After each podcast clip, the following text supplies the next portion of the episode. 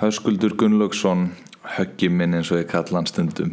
Uh, hann er einn af mínum uppáhalds uh, uh, hann var liðsfélagi minn hjá Breðablík til margar ára og eru við því góði vinnir hann er núna aturumæri fólkvölda spila með hálstætti í Svíþjóð og er gríðalega mikill hugsuður og svona pæli mikið í hlutunum og þar leðandi virkilega gaman að eiga samtal við hann. Og hefur við nú áttum mörg. Við spjöldluðum um fókbóltan og erfileikana, gleðina og það tilfinningar sem tengjast bóltanum við fórum inn á mataræði og föstuna og, og margt, margt fleira uh, huglegslu og annað. Þannig að ég vona að þið njóti vel. Gjör svo vel, Höskuldur Gunnlaugsson. Höskuldur Gunnlaugsson, velkomin í spjallið. Takk fyrir það. Hvað segir Kalling, hvernig hérna ég er langar að byrja kannski að spyrja hvernig pappin hefur það hérna eftir, Eftir, eftir, eftir slagsmálin. eftir slagsmálin. Kannski segja okkur bara svona stuttlega frá því meðan það Já, hann er bara heldur brattur. Uh, sagði hann sjálfur að hún hefði fundist þetta bara nokkuð gaman. Hann var, þú veist, ítla haldinn líkamlega. Já. en, en andlega var hann bara já, yng- yngdist upp. Hann yngdist upp, hann veðraðist aðeins upp en var sagt, það var brotist inn til ykkar. Já, og pappiðin eða mætti bara uh, mönnunum í, hérna, niðri í hérna, miðjum leik. Já, og greip í einn þeirra sem var að reyna að flýja eða sem, sem að gaf sökkarpensaðan og ætlaði að hlaup út.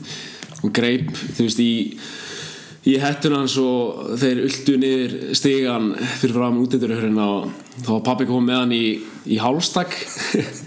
Þegar ég talaði við hann sagði hann, já, ég komið með hann í fínt fínasta hálstak.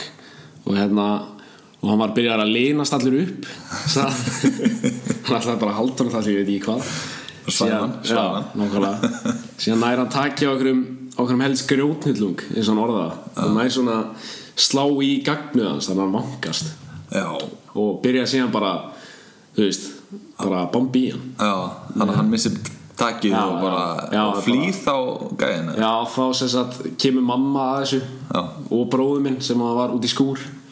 Og hérna, þá eru þeir þú veist, bara farnir fyrir hotn og bara búin að flýja fóru nú ekki lengra en inn til nákvæmnas og báðu báðu konur þar um að ringja á leigubíl, alblóðir. Þú veist og hún alltaf gerði ekki það og ringdi lögguna. Já. þannig að löggan kom og, og náði þeim bara þar.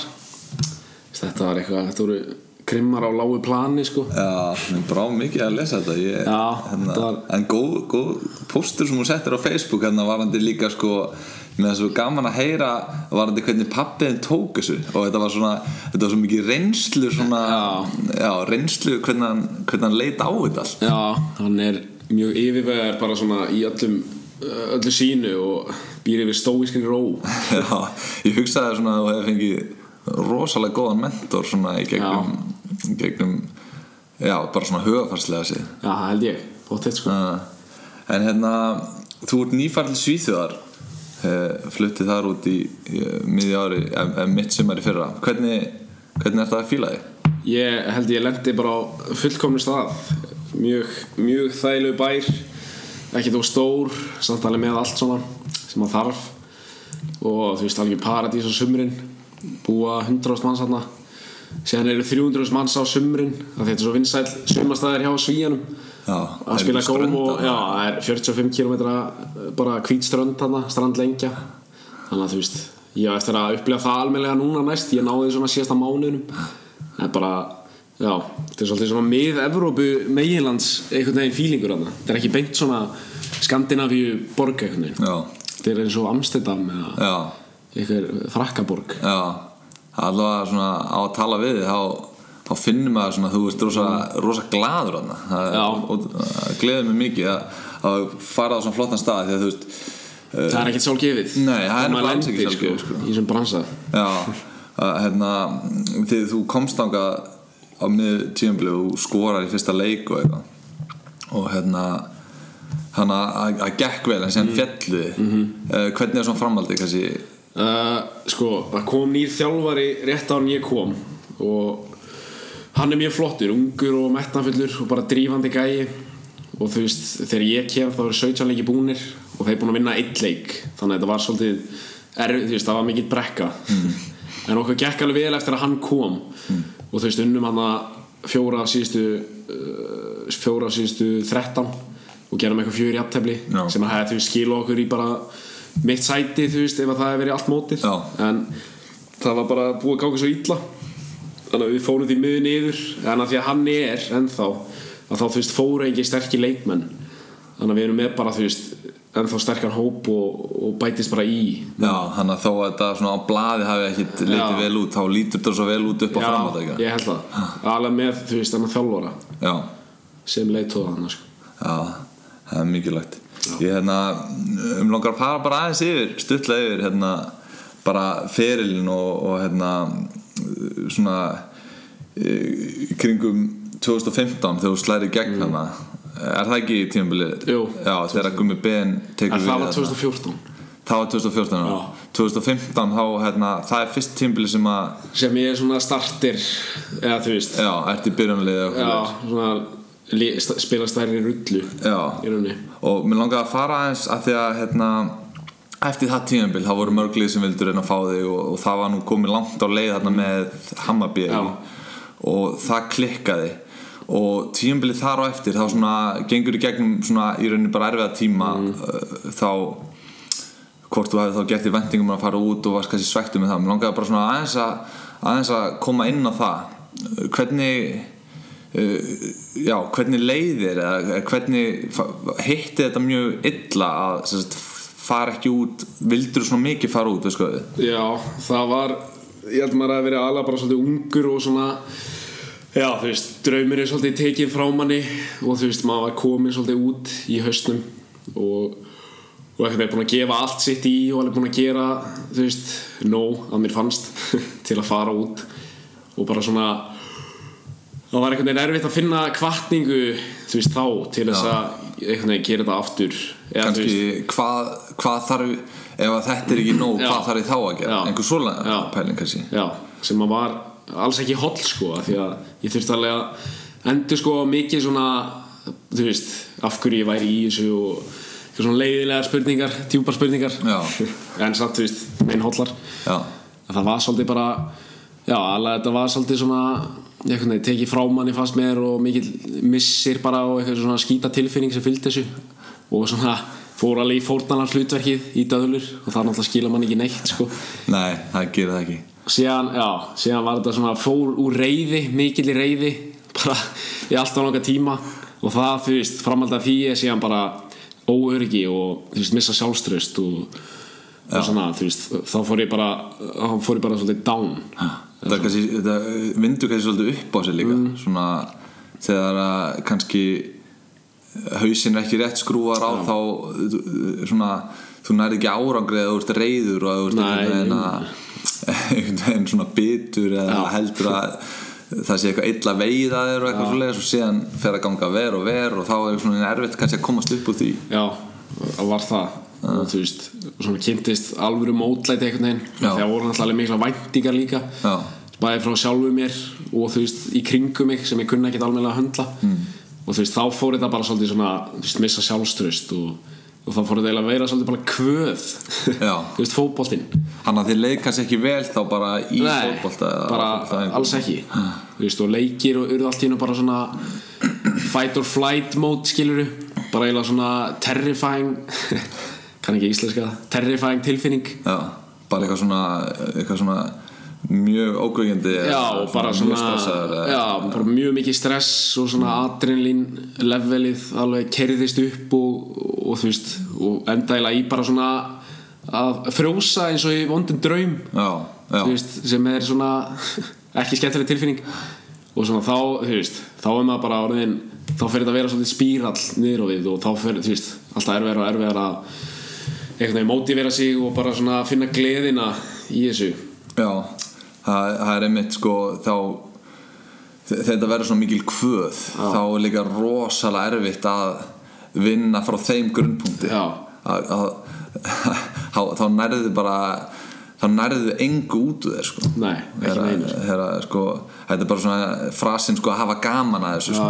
hann, hann á ógæslega vel við það því að, að það kvöðin þá bara þú, þú, þú nærð bara ekki að blómstra einhvern veginn á neinum viksta Nei, en hérna þá þá hérna ferðu inn í næsta tímabil svona já, með, með allar þessar tilfinningar og, og hvernig já, þú þetta er runni smá, smá tímabild tímabild þar á eftir þá spilar ekki sem svona kannski byrjunleismæður sem varst ára undan eða? Nei, ég held að, þú veist, ég startaði bara eitt þriðja eða eitthvað á mótinu þá. Já. og svona náða að skila inn allt í lagi tölfræði. Já. en þú veist, ég fann það samt sjálfur að maður var alls ekki samur.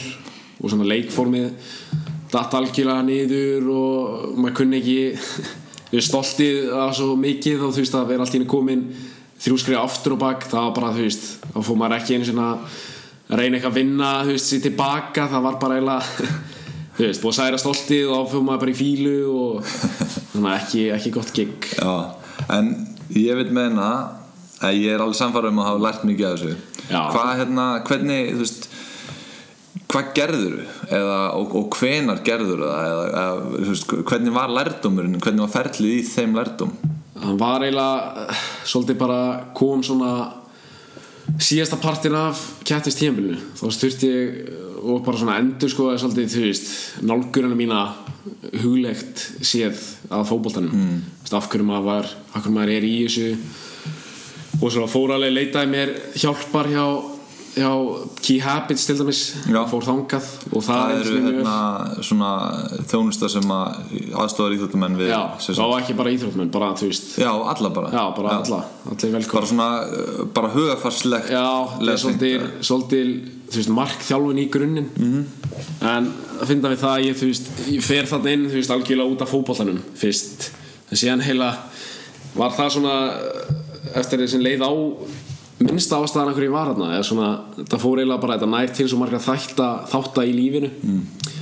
sem að sem að hefur ekkert verið eitthvað að tækla og skoða, veist, bara samskipti og fjármál og ímislegt já, sem að allt hengur saman bara að, að líða vel og svona hafa þú veist það snýst eða allt um hérna, að taka ábyrgð Já. bara veist á sínu lífstáttum og þá náttúrulega skila það sér líka í fótboltan skilur við fara að taka ábyrgð bara fyrir, fyrir sínum ferli og, og sínu leik og svo maður segja það er nefnilega ég held að, að þú getur sko yfirfært þú bara náttúrulega gott hugafar Já. sem að þú- getur yfirfært það í rauninni á bara alla þætti Já. og, og all, að, ég meina ef þú vilt ná árangur á mismöndi viksta þá er rauninni í- allavega held ég það ekkert mikið öðruvísi Nei, nei, Þetta, þetta, þetta að taka ábyrgð Já. þetta að horfa á sjálfa þig fyrst og fremst hvað get ég gert Já. til þess að eða hvað hlutum hef ég stjórn á og taka þá virkilega fyrir Já. og þegar þú ert búin að taka þá þá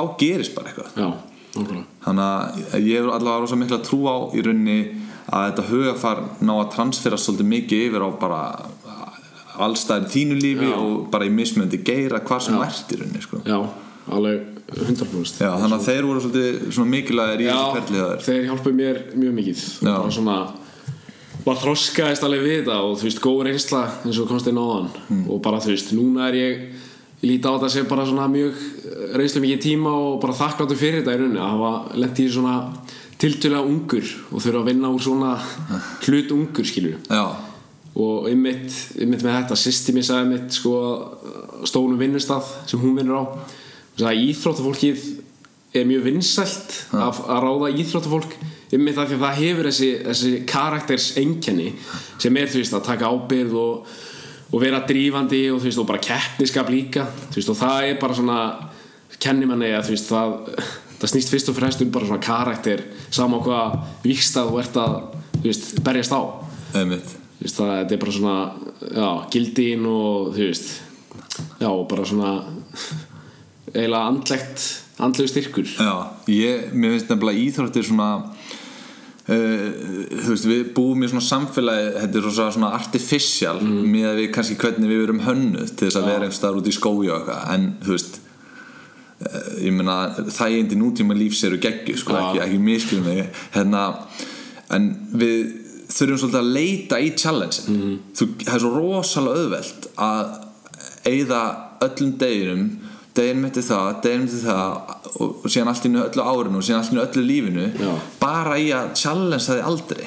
Af því að þú ert bara, þú, veist, þú, getur alveg verið bara heima þar já, bara í comfort zone Já, og þá geta íþróttir verið svona svona góð leið til þess að íta þér þangað út og gera eitthvað sem er erfitt og takast á við hluti og vera hrættur og Já, allt þetta sko. þannig að mér finnst íþrótnar ótrúlega svona krúsjál í, í samfélagin okkur dag til þess að takast á við þetta. Góð tilraun að stofa Já, algjörlega. Fyrir, fyrir svona já, fyrir bara hræslu og Já. að taka, taka svolítið á við verkefni og svona og, og við óttana sína. Já, við óttana og ég meina og síðan eins og við erum í hópíþrótt við þurfum að vinna með fólki og, og sætt okkur við það. Og við höfum ákveðna stöðu og það, við, við getum bara gert ákveðið mikið síðan þurfum að treysta á Já, liðsfélag allt þetta er, finnst mér partur af, af heild og læra svona að vera hluti af einhverju keðju já, sem er mjög mikilvægt og bara góður svona fyrirbyggjandi hlutur eins og fyrir krakka að sækjast í. Já, það er alveg. leiðilegt að ég var um það ræða við félag minn við svona þróunin á fótboltanum. Ég held að Totti hafi verið að segja að, að rómatíkin og nútíma fótbolta er svolítið á undanhaldi. Já, þú veist að, að þetta er orðið svolítið svona einstaklingsmiðað allt. Þú veist það er svolítið bara allt, allt brand. Þú veist öll markasheðferð er bara einstaklingsmiðuð og svona þú veist bara peningamálin. Þú veist og þú talar eiginlega um meira leikmenn núna í staðin fyrir lið. Þú veist og það er svona þetta þetta, þetta bróðerni og, og allt það er eiginlega þú veist svolítið að fjara út nema kannski á íslenska já en það er kannski eh, einmitt, ég, ég er alveg samlaður með íslenska landslið sem er svo áhört að það geti dottið eftir inn af því að Já. þeir eru að árangri með Já, þessari taktík sko. Að þetta er ógslag mikilvægt. Já, þetta er og líka bara, þú veist, það er eins og Totti sagði, er bara svona, þetta er miklu romantískara. Þú veist, og það er svona name of the game þetta er hóp íþrótt þetta er hópið þú, það er eitthvað, eitthvað ótrúlega eh, eitthvað svona djúft imprentað í okkur eitthvað svona Já. unity þar sem Já. ert með einhverjum félöðinum að Nákvæmlega. vinna eða, eða þú veist það er svona að tapa eða bara ganga í gegnum bara ganga ekki með súrt og sætt og einmitt og einmitt, þú veist, það sem stendur eftir ég var að tala við félag minn hann er hættur núna Mm. hann var að segja einmitt að hann man veist, það sem hann man eftir úr fótboltanum það er ekki, þú veist, einhverja medaljur eitthvað sem hann fekk eða þú veist, einhver fyrsti samningur uppæði á peninga eða eitthvað Mm. eitthvað svona einstaklingsverlun það er meira bara svona eitthvað svona unit moment þú veist, það sem að eitthvað svona liðið skilur kom sem underdog og sigraði og fór í gegnum eitthvað mótlæti og bara svona bróðernis eitthvað Já. feelingur skilur og þannig að það er bara furðulegt að það er einu svona minningarna sem að standa í hjartastað einhvern veginn þú veist. Er mjög það er og ekki langt síðan hann hætti það er gott við hann eftir kannski fyrir Já. mann að aðeins að, að kannski, já, vera kannski þakklátari fyrir það. Já, fatt að þetta er þú veist, snýst um fólkið sem er með manni í þessu en ekki veist, ekki einhverja niðurstöður eða þannig sé titla skilur já, já, einmitt. Það er mjög áverð þannig að þú í rauninni hérna, gengur í gegnum þetta eh, þessa já, lendir kannski á þessum vegg og svo má segja, en síðan í rauninni tíðanbili fyrra þá svona ertu mættur aftur alveg. Já, það gekk bara vel. Já, en uh, hvernig, hvernig leiðir? Varst ekki þá bara allavega virkaði hann utanfrá að þú væri bara Jú, ég bara, þú veist ég alveg skipt um gýr svolítið 2015 þá var ég eiginlega svolítið bara að lifa eins og þú veist, atvinnumæður í gæðsalöpum hérna heima. Ég var ekki, þú veist, ég var ekki í skóla ég var að vinna eins með Guðjóni Pétri félag mínum, en svo síðan var maður að æfa bara þrísar á dag og gera bara allt til eitthvað fótboltanum og, og það skilaði sér alveg. En svona var einhvern veginn svona, mér langaði veist, líka í challenge bara fyrir hausinn þess að það fór í skóla til dæmis og, og bara taka að mér ímis verkefni og að vinna og bara í 100% vinnu með 100% skóla og, og einhvern veginn og höndlaði það alveg fattaði svona að það var eiginlega bara svona að hjálpa já, veist, ég þurfti ekki að liggja upp í sofa og horfa Netflix og kvíla mig veist, á döðutímanum ég gæti verið að gera eitthvað uppbyggilegt og þá leið mér bara betur með sjálfa mig og skilaði sér inn á vellin og þú veist, og fótbolti var eiginlega bara svona þú veist, var meiri ánægja að fara sér nú og leika sér í fótbolta þú veist, þegar maður er búið með skóladag og vinnudag og, og svona. Þá, það alltaf virkaði mjög vel fyrir mig. Já, hann hérna, ég heyrði ótrúlega skemmtilegt ég talaði við Arnar Péturs hérna hlaupara í, hérna, hann kom nú hérna í podcastinu og þá sagði hann sko að hérna, að hann, ég held að hann hafi tekið þátt í eiginlega öllum hlaupum sem hann gæti tekið þátt í hérna í senstu sumar. Og þá var hann að segja að, að hann upplýði svolítið eins og Reykja, já, Reykjavíkumarþunni Mhm. þegar hann hérna, þú veist hann vann það og, já, og setti held ég brauta með þetta Íslandsmynda og hérna þá var hann að segja að hann leipur öll þessi hlaup og þá er svona minni pressa á þessu stóra hlaupin þá er hann bara að hlaupa og leika sér og þá er bara Reykjavík þannig eitt hlaup af einhverjum hlaupum sem hann er búin að hlaupa í sumarið Já. og þá er hann ekki einhvern veginn að setja öll ekkin í sumu Nei, körfuna sko. ekki búin að miklu þetta upp fyrir sig svona Nei, hann að, hann ég meina eins og kannski þú upplýðir með, þú veist, ef allt var á fótboltanum og síðan eins og og hérna, og þeir gengur vel en síðan er niðurstaðan svo að þú ferð ekki að ferja atvinnumönsku sem að er markmiði kannski og þá er einhvern veginn búið að taka allt frá þér. Já, ég, er, er það kannski Já, ég held það. það Og líka bara svona held að það hef verið svolítið bara identity crisis eða þú veist, fyrir mig. Svona, maður er einhvern veginn maður er bara, þú veist blikinn nummer sjö Háskuldur Gunnarsson, eða skilju, síðan eitthvað wow, ert ekki lengur þú veist, ekoð ekki alveg að fá sitt af því að þú ert í smá mótlæti þá bara, hver er ég? Og eitthvað svona Einmitt. djúpar pælingar skilju, sem heist þetta alveg gott að fara, þú veist, að vera ekki að identifæra sig við, þú veist bara við fótboltan, eða skilju Já, já, algjörlega. Ég meina þannig sé ætti maður ekki að identifæða sig við neitt utanakomandi þannig. Nei, nei. Ég, í raunin ekki. Já, þú veist, það er líka bara ég fór satt líka alveg bara alveg á hinpólinn og bara svona ég ætla að hætta í fótbolta nánast Já. sem er líka alveg jafn glórulust það, er líka svolítið bara svona fórtanar hlutverk Já, mörguleiti eða þú veist, er eitthvað svona það er annarkvort allt með manni þú veist, og maður er nafli heimsins. Já. en það er líka alveg, þú veist, þegar það gengur illa og maður er þá alltaf á móti sér og maður er samt nafli heimsins maður maður er aðeins svona stíga frá og bara ekki taka þessu alveg svona alvarlega mm. -hmm. á hans eitthvað að missa metnað við að þú veist, bera ennþá virðingu fyrir þessu. Alltaf það sé svona í líkillin í þessu hvernig maður nálgast þetta já, algjörlega Ég, ég, þetta er ótrúlega góðar svona, ég held að þetta er rosa góðu lærdum fyrir að ég held að þú dreigir rosa góðan lærdum frá já, það, það er hægt að taka svona moment á þú veist, það er hægt að taka, takla svona uh, hérna, mótlæti allt öðru í sig já, og já, miklu já, verð. já, já. Ég, þú veist, og ég held að fólk upplýðir þetta bara í mismunandi aðstæðum. Þú veist, ég hef heyrt sama frá einhvern fyrirluleikara sem allt í hennu allt í hennu var hún bara hérna, ekki ástæðufullt fyrir fyrirlunum sér lengur og þá bara þú veist, hver er ég og þú veist, ég hef ekkert án fyrirlunar og veist, bara í, í ymsu skilju Ég hérna Þetta er kannski tengt svona þessum pælingu sem ég er búin að vera í hérna var þetta svona kannski markmið og annað. Já.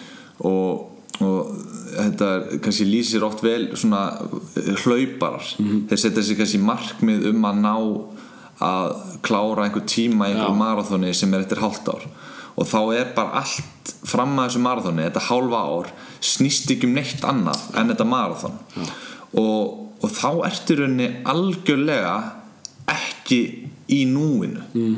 og þá ertu bara þú ert bara að æfa og ok, flottu tími, ég er að bæta mig ok, það stefnir bara í enn eða góðum tíma þarna eftir 6 mánuði og síðan heldur bara þessum spíral áfram. Já. þú hleypur þetta marathon og saman hvort það gangi vel eða illa þá ertu samt einhvern veginn búin að setja alltaf hold fyrir þetta moment.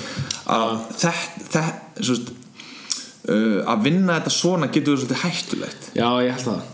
Og ég farið fram og tilbaka með svona markmiða settingu Já. ég var mikið í því þegar yngri og það er náttúrulega er svona viðlúandi í bara íþrótta heiminum ég held að sé alveg ég held að sé alveg gott að blessa þú veist að setja þessi markmið þú veist á þess að missa sjónar á að það er þú veist ferðalagið sem að er 99,9% af tímanum. Þannig að þú veist að vera í ferðalaginu skilju að því að sé að kemur þóttu lifti byggarnum með það markmið það er eitthvað 10 sekundur þannig að það getur ekki verið það sem í rauninu þú ert að taka úr þessu. Það er þú veist ferðalagið ákveð að vera setja sér háleit markmið til þess að þú veist bara challengea sig og, og hérna og þú veist já og bara lifa uppbyggilegu metnafullu lífi Einmitt. sem að er skilur holdt ég, ég að því að þetta er bara svona pæling á einhverju ég er ekki búin að master þessa pælingu Nei. þetta er bara að, sem sagt, að, að ég hef mitt alltaf litið á markmið svona einhvern veginn sem maður þarf alltaf að sjá af hverju Já. ert að setja þetta markmið Nákvæmlega. og hvernig nærðu þið sér að því að að oft setur fólk sér bara eitthvað markmið að því bara. Já, og það er líka ekkit sérstaklega gott. En síðan líka að þú setur eitthvað markmið hvernig ætlar að ná því? Og þar kemur alltaf inn þessi hluti sem þú ert að gera hverjum degi. Já, og það og, og, og þetta er svona eins og kemur létt smá aðgerðar áætlun Já, þessi aðgerða Plan. Já, að, að það er ekkert að fara það er engin töfra pilla eða töfra bæti sem gerir eitthvað fyrir þig eða hérna, þú veist, þú, það bjargar ekkert lífið þín að fara í kalda sturtu einu sinni sko. Nei. en ef þú fekk þessi kalda sturtu okkur um einasta mótni þá ertu komið með þetta í rútínu og þá ertu farin að ve- venja þig á góða ávan Já, og nákvæmlega. þá ertu farin að gera eitthvað ein hugleysla er ekki að fara Nei, nei. að lækna þig Nei, nei. en ef þú huglegar á hverjum degi þá ertu farin að finna effektin af þeirri hegðun þannig að ég hef rosa trú á því að finna þér eitthvað sem ég langar að gera af hverju þið langar að gera það og hvað þú getur gert á hverjum degi. Já. og þá ertu komið með eitthvað svona lífstíl Já, nákvæmlega. Ég held sem mjög góð punktur einmitt, einmitt líka bara fyrir mig til dæmis með svona hvaðan er þú veist hvaðan er þessar kvartningar uppsprettur að koma? Mm. þú veist og eins og þú veist að einhvern veginn breyttist það hjá mér þú veist ef við tökum sér dæmi bara að fara í ræktina að fara í gym og rækt að, hérna, að veist það var alltaf bara tilenga veist bara tilenga fótboltanum. Og síðan þegar að fótboltin einhvern veginn þú veist var það ekki the shit lengur að þá bara svona hætti ég líka að fara í ræktina og gera hætta allskynst þú veist hlutum sem voru bara minn lífstíl bara mjög uppbyggilegir og góðir hlutir. Og ég þú veist þar til ég eiginlega svolítið vakna og bara svona þú veist, það er ekkert, þú veist, nú fer ég í út af fótboltanum en líka bara svona, það er allskis aðrar kvartninga bara, mér líður ógeðslega vel eftir það, þú veist, bara postjörið á manni er gott skilur og bara svona stresslevelið kjössalega keirist niður, þú veist, ég get einbætt mig betur í skólanum og bara svona hausin er rólegri, þú veist, þannig að það er hægt að finna svo margar uppsprettur af ástæðum fyrir að gera eitthvað hluti og það þarf ekki að vera allt eitthvað til eitthvað risa veist. Það er bara kvöð. Ég, ég tengi rosalega við þetta. Eða bara heilbritt mataræði. Já, þú veist, er einmitt. hvað sem það er alveg klárlega, ég tengi rosa við þetta sko við, hérna, ég hef ótrúlega gaman af því að vera í formi Já. og hérna mér finnst geggja þegar skrokkurinn á mig virkar Já. og það þarf, þú veist afleðinga því er að það er gott út af fótboltan að gera Já, að þú nákvæmlega. þarf náttúrulega góðan skrokk sem virkar í fótbolta en, en það er ekki það er ekki endla ástæðan. Fyrir maður sé að gera þetta. Mhm. þú veist að fara og taka æfingu í ræktin er ekki endla bara fyrir fótboltan það er líka, Nei. það er svo ógeðslega gaman finnst mér að vera í formi. Já, ég er 100% samanlega því. Bara þú veist, það þarf ekki að vera meira en bara mér líður vel, punktur að gera þetta. Það er veist, það. er náttúrulega stærsti ávinningurinn. Já, og líka oft þarf ekkit að vera, vera oft þarf það ekkit að vera dýbra en svo en bara líffræðin okkar. Já. veist, við erum bara líffræðilegar skeppnur sem að af einhverju ástæðu þurfum að hreyfa okkur eða ef við hreyfum okkur þá líður okkur vel. Mm. og ef við gerum ákveðna hluti þá líður okkur vel og það þarf ekkit að vera eitthvað uh, dýbra en svo en það er bara í DNA -n okkar. er bara forritað í okkur. Já, við þurfum bara að setja okkur við það. Já, Þannig að er, það er svo það er í rauninni já, ef, þú segir bara minnst leiðilt að hlaupa. Veist, það þarf ekkert öllum að finna skemmtilegt að hlaupa. En veist, það er eitthvað þú ert hannaður sem að hlaupa kall sko. Þú færð runners high eins og kalla hefum búið með 40 minna skokkið. Já, og ég meina illjarnar að þér og kálvarnir að þér þetta er bara dempara sem eru hannaður til að hlaupa þó þú rektar það ekki. Nákvæmlega. þó þú ert ekki þú sitir allan daginn og, og getur ekki hlaupið þá er það, þú veist, þá ertu samt hannaður til þér sko. hann að við, maður verður svona pínu líka að sætta sig bara við örlögin sem Já, er já. þessi þjáning sem lífið er að vera í einhverjum skrokk sko. Já, líta bara á þú veist í staðin fyrir vandamál svona maður tjent, þú veist breytir mindsetinu kannski úr því að allt sé vandamál yfir í bara svona verkefni. Þú veist og við náttúrulega elskum sem mannskeftur að klára verkefni og díla við verkefni. Þú veist það er svona og, bara kemur einhver þú veist, fullnæg við að veist, haka í to-do list checkbox skilur.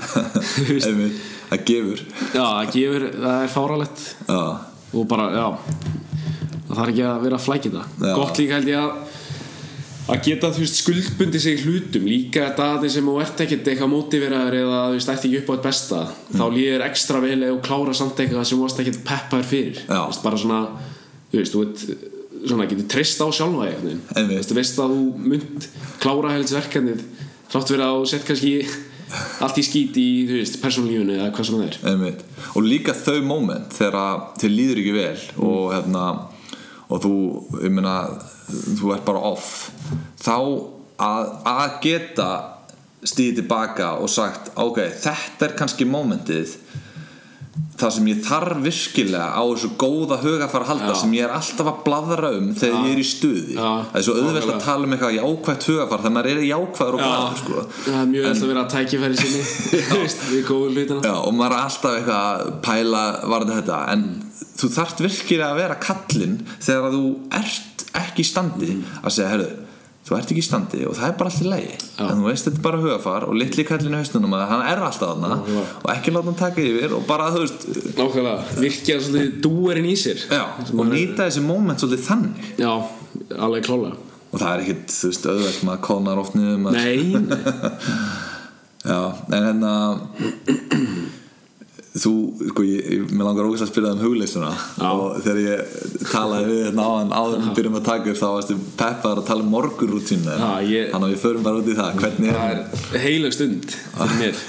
Ég, hérna, við mætum nýju á völl í kaffi sem er líka mjög heilög stund. Já. fyrsti kaffibóllin eða svona þerði hjá mér en ég hérna, mætum nýju og ég, mér er svo gott að geta þú veist, ég er ekki fyrir, mikið fyrir það að vakna og bara svona þurfa að drífa mig á stað. Já. af því að mér finnst móttandi svo, þú veist en oftur að eitthvað svona klísjum sem að make a sense allt í mig, bara morgun stund, stund gefur gull í munn. Að það hérna, þá vakna ég í sjö stilli, stilli tvær vekjarklukkur einn í herbygginu, eina fram í eldhúsi og bara plata alltaf sjálf á mig þú veist alltaf þegar að fyrsta ringir inn í herbyggi þá er ég bara nei, glemdi, ég er að fara beint í snús. Síðan ringir úr frammi ég þannig alltaf að dröslast upp úr rúminu og, og lappa ángað en þá hugsaði bara, nei, ég er að fara beint aftur í rúm. Síðan bara við þessi tíu skref þá lendi ég alltaf í svona já, fyrst ég er komin upp. Ég geti þá, ég þú veist, farið í styrtu þannig að ég fyrir styrtu enda á kaldri styrtu til að kveikja á súaðakjærinu síðan hérna tekið smá jóka tegjur ekkert eitthvað flókið og langdreið bara svona aðeins eins og dýrin gera tegjur hrygnum. Mm tek síðan hérna tíu mínna hugleyslu með Headspace appinu. Já. það er bara svolítið svona búta, hugleysla Já, ég mæli með því appi bæði Já, bara sérstaklega fyrir byrjendur. Já, klálega. Það er einmitt svona byrjar á eitthvað svona basic programmi og síðan er gaman að fara í eitthvað svona þú veist, fullt af eitthvað mode og happiness og eitthvað Já, svona ég hef ekki pröfað það, ég Nei. alveg að pröfa það. Ég er komin í svona advanced. Já, er ég tek tíu minna huglislu og það er bara orðin á mjög erfitt í byrjun en ég svona hugsaði, mér langar svolítið að reyna þú veist, að maður hefur maður er bara, hefur svolítið meiri tíma fyrir sjálfan sig úti, að búa eitt bara. Mhm. og maður hefur tíma til þess að svolítið svona þú veist, gera hluti sem maður langar alltaf að gera en svona einhvern veginn, fann aldrei tíma. Og það sé alltaf meiri tíma maður heldur en það er, það er samt oft svona Það eru er margir aðri hlutir sem spilin í Já. sem eru, þú veist, sem bara getur það ekki ok, þú veist, ég þarf að dreyja mig hvað sem er í vinnuna eða eitthvað Mhm.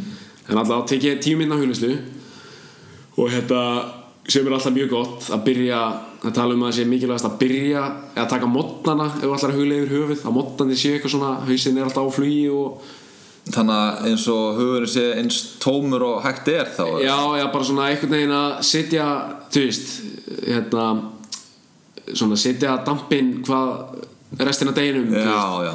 Var- læna svolítið upp daginn Já, einhvern veginn að kickstarta deginum. Anchor the day eins og. Rock segir. Hann segir alltaf að setja akkir inn í daginn sko. Þá ertu er- ekki að fljóta bara með öldum Nei, nei. sko. þá ertu bara að setja akkirið niður. Byrja, byrja svona að ná að fókusa þú veist, í byrjudags síðan hérna kíkja ekkert á síman alveg strax af því að ég eitthvað að skoða eitthvað YouTube-myndband og hvað að pröfa það það var eitthvað mælt með því. -hmm. og hérna eftir hugleisluna hitta ég eitt góðan bolla og sest síðan og les í svona 20 mínútur. Uh, og þú veist ekki eitthvað námsbækur eða eitthvað svona bara hvað sem er þú veist getur verið bara eitthvað romantísk bók eða eitthvað þú veist eitthvað saga þess vegna. Og bara eitthvað þú veist sem er langar að lesa. -hmm. Les í 20 mínútur með Bose heyrðatóli mín. Setja á noise cancellation. Og það er náttúrulega bara svona framhald af huglislu Já, og hérna með bollan við hægri hönd. Og það er alveg mjög svona kyrlót og góð stund. Síðan eftir það þá kík ég í þú veist tölvuna. Já. og byrja þú veist að sjá hvað er að gerast á samfélagsmiðlunum. Og þá finn ég líka þú veist að bara upplýsinga helvítis áreiti er svakaleg þú veist maður opna bara Facebook eða hvað sem það er eða vísi og þú veist þú hausinn byrja bara að þú veist fara á svolítið óheitræf og einhvern veginn maður er meðvitaðari um það eftir að hafa byrjað þú veist dagi, daginn svona á rólegum nótum og bara svona þægilegum nótum hvað þetta er þú veist mikil keistla á hugun þú veist og þá er maður eins að getur tæklað betur einhvern veginn. Já, þú veist og þá ég þú veist svara e-mailum með eitthvað svona skipulegja daginn. Já, ég geri það svolítið kvöldi áður Já. af því þá dettur mann alltaf allt í hug. Þú veist hvað maður þarf að gera og eftir að gera. Og ég dreita því bara niður í Evernote appið mitt. Ok. Bara svona to-do list. Ég hljóma eins og ég sé alveg þrá ekki dansandi á einhverju róinu en þetta er mjög veist, þetta er, er engin kvöð þetta er allt bara svona sem ég langar að gera ekki eitthvað þarf að gera. Og þá, þá er ég alveg veist, tilbúin í daginn Þá ertu bara búin að læna upp Já. daginn og, og, og þá ferðu bara niður á æfingarsvæði þá fer ég bara með mjög stóiskan haus á æfingarsæði og Drekk meira kaffi. Ég, ég bara, þetta er geggjur rútina sko. að, þetta er gott þetta er, Ég, ég hérna reyndi að vakna sex hérna í heila viku Já. og ég bara ég, ég þú veist, ég gata í nokkra daga Já. og síðan var bara, herru, ég bara, ég veit ekki að vakna sex í næsta, í fyrramáli, ég verð að vakna. já. og hérna, en ég mér, ég á mér alltaf einhvern svona draum um að vakna Já. snemma og byrja daginn snemma og ég svona er að færast ánga sko, ég, ég, ég, meni, ég vakna ég vakna snemma, skilur, ég vakna kannski ekki sex, Nei, nei. ég vakna kannski svona milli hálf átta eða, eða svona sjö og hálf átta kannski. Og hérna, en ég vaknaði hann sex nokkra mótna bara til þess að gera einmitt svona hluti. Já, Ég- kósi hluti bara. Já, ég fór hérna ég tók ég tók jóka, ég fór í kalda sturtu uh, ég mitt las svolítið tók, hugleyslu og svona. Og þetta, þetta lænar algjörlega Já, upp það. Já. og það er einhver fílingu við það að vera vakandi þegar enginn er Já, ég veit það. Það er líka vandamál um mig. Það er, þú veist, eins og mikill morgun hann ég er Þá er ég alveg jafn mikill náttrátt Eða, þú veist, það er alveg jafn svona heilög stund fyrir mig. Já. Það er einmitt þegar að kemur þessi einhvern veginn ró Bara, þú veist, allir eru farin að sofa Þá er svo gott að einhvern veginn bara þessi kyrð Og þú veist, að geta hort á eitt þátt eftir. Já, þú veist, bara þátt að röð, jável Já. Já, þú veist, eitthvað mynd eftir erfiðan vinnudag eða bara eftir mikla keislu að þá, þú veist, langar mig svo að taka þessa peaceful heilalösu stund, sko. Þannig að ég enda stundum á því bara að vera eitthvað með fimm tíma svett heilu vikunum, sko. En ég þarf svo sem ekkert mikið meira. Það gengir bara ágætlega. Já, þú ert bara þessi Jay Leno típa sem bara sér Já, alla. Já, þú veist, ég, ég veit ekki. Það er mjög mismunandi. Ég þarf ekki eh, einhvern veginn en 8 tíma svefn. Ég er oft bara, bara góður með mína 6 tíma sko. Já, ég meina svefn er líka eitthvað svona sem við kannski áttum okkur ekki alveg á við bara vitum hann er mikilvægur en við Já. vitum bara allir einhvern veginn þurfa að mislanga svefn og já. alltaf mælt með eitthvað átta Já. tímum með eitthvað það sé ekki hægt að alhæfa alveg Nei, það sem ég finn sjálfur svona svefni minn er búin að vera mjög rútineraður undanfæri ár þá er ég búin að vera sérst, að vinna og í fótbolta og þannig að ég hef alltaf þurft að hérna, vakna snemma. Já, og sem ég þurfti ekki áður þegar ég var í skóla til dæmis þá komu dagar þar sem vakast ekki í skóli og þurfti bara að læra og þá endaði ég á að vakna setna og læra set, eh, lengra fram eftir og svona. Og mér finnst aðalmáli einhvern veginn rútínan sko. já, ég sammála því. Bara að vera, þú veist, vakna á sama tíma og bara sofa á sama tíma. Já, það er einmitt mikilvægra held ég heldur en eitthvað svona, ég þarf þess að 8 tíma, þú veist, Já. og klukkan fjör þá verði ég að sofa til, þú veist nú er ég að já, Til tólf. já, einmitt. já, algjörlega að, hérna, að, að þú veist, á kvöldin þá er ég bara þreyttur bara, þú veist, það er ekkit þú veist, ég bara fer upp í rúm og ég sopna það er aldrei eitthvað svona að ég, nú sopna ég ekki eða eitthvað að þetta er bara veginn svona líka hann bara veit, hann sefur þessu byli sko. allavega þá finnst mér að ég ég verið einmitt svona kannski meiri náttrafn gegnum tíðina heldur en hitt Já, sko. já. þannig að ég hef svona þurft einhvern veginn að reyna að að taka mig á í þessum helg já, já. Ég, já, ég er svolítið díla við bara svona að dettaleg reglulega bara svona pínu andvöku nætur. Já. eða skilju það sem ég bara klukkan ánum þrjú. Ég er alveg búin að reyna að fara að sofa. Þrjú, fjör.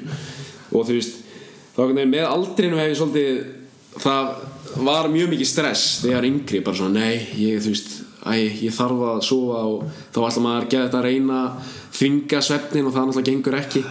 En svona eftir því sem ég eldist þá bara svolítið svona já, já, einn af þessum Já. einn af þessum nóttum veist, ég er samt að fara að vakna á sama tíma. Þá, þá bæti ég bara upp seinna. Já, ég lít einmitt á þetta þannig líka Já. að það, það skiptir einhver máli þó liggur við sleppir heilir nótt sko. ef það er bara ein nótt. Mm. Já, ég- ef þetta er allt í norðan tvær í röð þú veist þá kannski komið meira vesen Já. en ef þú nærði ekki að sopna að það verður oft svo mikið svona shit, shit, já, shit. það og því það er svo já, það er þá er ég bara, þú veist, ok, frekar horfið þá bara á, á eitthvað sem er nokkar að horfa á eða, Já, þú veist, lesi eða eitthvað skilur og það er eitthvað líka svona virka gett vel sem svona um leið farið svolítið svona fokkitt gagvart þessum svefn skilur Já. gagvart púkanu sem er ekki að leifa þér að sofa. Eða bara svona lýsir vasaljósi á hann og bara hei, ok, þú veist, þá bara svona ekki einmitt. Ger ég bara eitthvað skemmtilega að þá, þú veist, sopna ég yfirleitt. Að þá ertu svona einhvern veginn að, að, að svona, minkar stressið á þessum part já, já, þannig að ég að- þetta fyrir sér En já, það er ofta mitt talað um að þú sopnar ekki, eða þú ef getur ekki sopnað farið þú bara fram já, að gera eitthvað. það er ekkit, það er ekkit hundra í hættunni sko. Þannig að þessi morgunrútina er geggjubæði Já, hún er- hún ég, mér er andum hana. eins og ég sagði hann, ég á mér ekkert draum að hérna, henda mér í hérna, þú veist, bara að vera að vakna snemma og þú veist, bara gera hluti á mótnana í staðin fyrir að vakna til þess að fara í prógramið, að læna svolítið upp deginum Já. með einmitt þessum, þessum svona lifehack leiðum að huglega, að lesa, að fara í kalda sturtu Já. ég fer þetta alltaf í kalda sturtu, ég Já. sleppi því aldrei sko. og ég fíla það í bótt það alveg negliður í á- daginn sko. á öllu. ég pröfaði sko að fara hérna beint í kalda sturtu já, ég er ekki þar nei, ég er ekki það lengur að því að ég fór, fór bara út í svona kvöð. Það fór bara út í þegar er ég langaði ekki þá er þetta bara orðið veist, þá fyrir bara mikill kvíði að snúast í þegar þetta snúast í einhver kvíða? Já, og þá þá hérna, þá er þetta ekki orðið svona sjálfbær hegðun þá er þetta bara orðið svona ok, þetta er kannski gott fyrir þig en þetta er inn í end ekki það gott fyrir að þú eru bara stressaður á kvöldin að fara að sofna. Já. þannig að ég finn núna bara þú veist, ég heita stuðstöður eins og þú og sem bara enda á kaldri og ef ég er í stuði þá oft bara hangi ég smá Já, og, fín, og, og hérna, ef ekki þá bara tek ég hálfa mínútu eða eitthvað, þú veist. Já, ég finni mitt geðvitt á kald, köldu sturtri. Finn ég svona hversu þú veist, gýraður og sterkur ég er andlega þennan daginn. Ég finn það alveg sko, ef að stundum er ég bara svona grótharður í gegnum köldu sturtuna og bara gæti verið hana lengi, bara bring it on. Stundum er ég bara svona, þegar nánast bara í fóstustellingun á sturtu botnin það er er gott stöðum að svona hversu gýraður maður er. Já, þetta er svona við, við hefum verið að stunda sjóin hérna Já. við nokkru vinnir og það er einmitt svipa sko. stundum Já. ertu bara, herðu hann býtur ekki eins og nákvæmlega. Og síðan aðra dag ertu bara svo rosalega lítill sko, að það bara þú, þú bara getur ekki varla. stóru úni Nei, Nei. hann að hérna hefur eitthvað sko Vim Hoff hérna öndunar aðferðinar Já, aðeins, þannig að það er ísmaðurinn? Já, það er ísmaðurinn sem að, sagt, það er þessi öndunaræfing það sem að þetta er eitthvað svona svona djúpir andadrætti 30 sinnum já. og sem sagt, blæstu frá þér og heldur andanum niðri og þá á eitthvað að gerast í skroknum að þér sko. og heldur hann frá sagt, heldur andanum frá þér eins lengi og getur. Og það getur oft farið í 2-3 mínútur Já, sko, sem er alveg freka magnað. Og síðan andaru að þér og kreistir svona í einhverja 15 svetur Já. og þeir gera þetta og fara síðan í kallt og það var einhver að tala við mig sem að hérna, eitt svona hugleyslu gúrú hérna, óttar, ég veit ekki hvað það ekki óttar ángatís óttar ángætis hann var að segja mér að hann sagt, tekur, hann vaknar á mótana tekur Wim Hof sem svona hugleyslu svona þetta er náttúrulega í rauninni bara hugleysluæfing Já. og fer sinni kalda styrstu og þá finnur hann bara hérna, bara, hann er bara líkamlega klár í einhvern veginn að taka við. Já, mér langar svolítið að pröfa þetta. Já, ég, ég hef ekki pröfað hvað, þú veist, hvað svona kuldamálar en enga þjálfarinn tók enga þjálfarinn minn tók mig í þetta Já. núna eftir einhverja liftingavengu og þú veist, það leiðnast í yfir mig. Ég, hérna, ég byrjaði bara, þú veist, litirnir urðu byrjuðu bara eitthvað að brenglast. Þetta var frekar terrifying moment en eftir á bara gjössamleg allsæla sko. Já, og svona algjörlega kýlir á stresslevelið já, að sko ég pröfa að gera þetta svona á tímabili og þetta er alveg vinna að gera þetta ef að hugleisla er vinna sagt, ef að þú nennir ekki að fara í hugleislu þá nennir þessu Nei, alls ekki sko. en ég var að gera þetta og hérna og það er eitthvað við þetta. Það er eitthvað þú veist, þú veist bara þú finnur líkamlega veljan við þetta. Og þetta er miklu, þetta er svona rosalega auðveld leið að huglega þetta er bara svona, þú hefur Já. eitthvað að gera basically. Nákvæmlega. Og síðan hérna sagt, gerir þetta kannski tvisvar, þrisvar. Og í þriðja sinn þá bara þarf ég ekki að anda. Já, já. þá bara endar á því að halda andan frá þér Já. í þú veist bara þrjár mínútur Já, það er einmitt skrítið. Þetta er oft svona Þú veist, ef maður er að, sem krakki eitthvað vera í kafa eins lengi maður getur. Og maður er eiginlega svona veist, það er, er hugurinn sem maður bara svona gefst upp og þá gefst þú upp. Eða, þú veist, ef þú byrjar svona ofpæla einhvern veginn þú veist, þegar þú ert að halda og svona vera gett taka inn á eitthvað þetta er sárt í raunni að þá bara svona ferði þennan og þú veist, verður að drulla þér upp. En ef þú nærið einhvern veginn bara svolítið að stíga tilbaka sem er gett svona hugleyslu pæling Já, að þá einhvern veginn svona hefur þetta ekki mikil áhrif á þig að að deyja einmitt. bókstaflega Já, ég er alltaf með hann gæja á heilan með hann hérna, Wim Hof já, og, hann er, hann er flottur Já, bara það er hellinga efni til líka bara endilega kíkja á Já. hann sko, fyrir það sem hafa áhuga sko. en það er eitt með hérna þú veist, af því að þú ert að tala um að þú ætti draum og svona eða þú veist, með eitthvað svona rútínur Já. en sem er hugleyslan fyrir mig að ég tala um að þetta var ógeðslega erfitt að skuldbinda sig þessu fyrst að þá, þú veist, fór maður aðeins að pæla í þessari, þessu, þessu venjufræðum eitthvað, þú veist, það tekur x marga daga að þetta verði að venju eitthvað svona bla bla bla. Hérna, þú veist, og ég er eiginlega komin á þetta er orðið bara svona þú veist, ég hefur örugglega í 95% tilfella gert hugleysla á mótnuna frá því ég fór út. Og þú veist og ég er ekki einu sinni að á þeim stað ég er eitthvað svona að keep track af þú veist dagur 30 í röð. Þú veist, þetta er orðið bara svona það sjálfsagt eins og að busta tennunar Já. þú veist, þú ert ekkert eitthvað dagur 170 þú veist, þú eitthvað, ó, þetta er svo mjög og eitthvað, nei, ég er fallinn. Já, ég gleymdi að pælingar tennurnar, Já, ég sleppi bara. Já, nokkala, fyrst ég, sko. fyrst ég datt úr þessu, þá get ég alveg eins sleppt þessu. Veist, ég held að það sé mjög hættuleg svona alkoholisma pæling. Já, það er bara það er ótrúlega góð pæling. Þetta er, já Þetta Það er er taka einmitt fram ég er ekki, þú veist, alkoholismi er náttúrulega sjúkdómur. Já, já, Það er já, einmitt En, En einmitt, þetta, veist, að vera fallin eða þú veist svona detta Þetta in eða ekki, Já, já, sko. Þetta svart er svolítið varasamt, sko Já, einmitt, ég, hérna, ég hef gengið í gegnum þetta svolítið líka tengt mataræði og, Já. og ég er svona áoft erfitt með svona eitthvað farið bara millivegin, þú veist, pappi Já. sagði farið bara Já. millivegin og ég er svona, ah, þú veist, ég er bara ég á erfitt með það Þannig að hvort ertu in eða ekki Já, eins og með mataræði ég tók alveg hardcore vegan Já. Og, og hérna og núna er ég svona loksins finnst mér að detti svona smá jafnvægi varandi, varandi mataræði að, að eins og allt vegan tímabili hjálpaði mér svolítið Já. bara að emmitt temja mér góðar vennjur Já, núna reynir ég bara að borða tiltölu holt eiginlega bara alltaf. nákvæmlega. Og það er ekki kvöð, það er bara Nei. þú veist, það er bara eitthvað svona pínu sjálfkrafa. Já, það er bara svona svolítið, lífstíls miðað, meira. Í staðan fyrir eitthvað svona eitthvað er markmið eða þú veist, eitthvað eitthvað svona, já. Já og líka þú veist, eins og má ég borða þetta? Já, er þetta já. vegan eða er þetta paleo eða uh, er þetta low carb? Mm. ef þú ferða yfir í þessi mataræði Já, þá allavega er ég komin þangað það sem ég líðum betur er að ég pæli ekki of mikið ef ég er í matu ömmu minni Mm. og hún er með kjötbólur þá bara borða ég matinn skilur en, en ef ég get valið þá vel ég kannski eitthvað annað. Og það er meira bara svona að minka pressuna á einhverju emmitt svona er ég fallin eða ekki við já, já, ég held að það sé svolítið varasamt. Þú veist, og það er líka oft svona að þú veist, fólk elskar að taka sér afstöðu með einhverjum hlutum þú veist, og, og eiginlega bara svona er meira í einhverjum hérna, tekur sér tekur sér afstöðu til þú veist, til dæmis veganisma þú veist, og oft er það bara svolítið hræstnarar sem eru þú veist eitthvað og þú veist, geðveitt judgmental og bara nú, ég held að þú er þú veist, ert að borða þetta og þá ert ekki alvöru þú veist, eitthvað.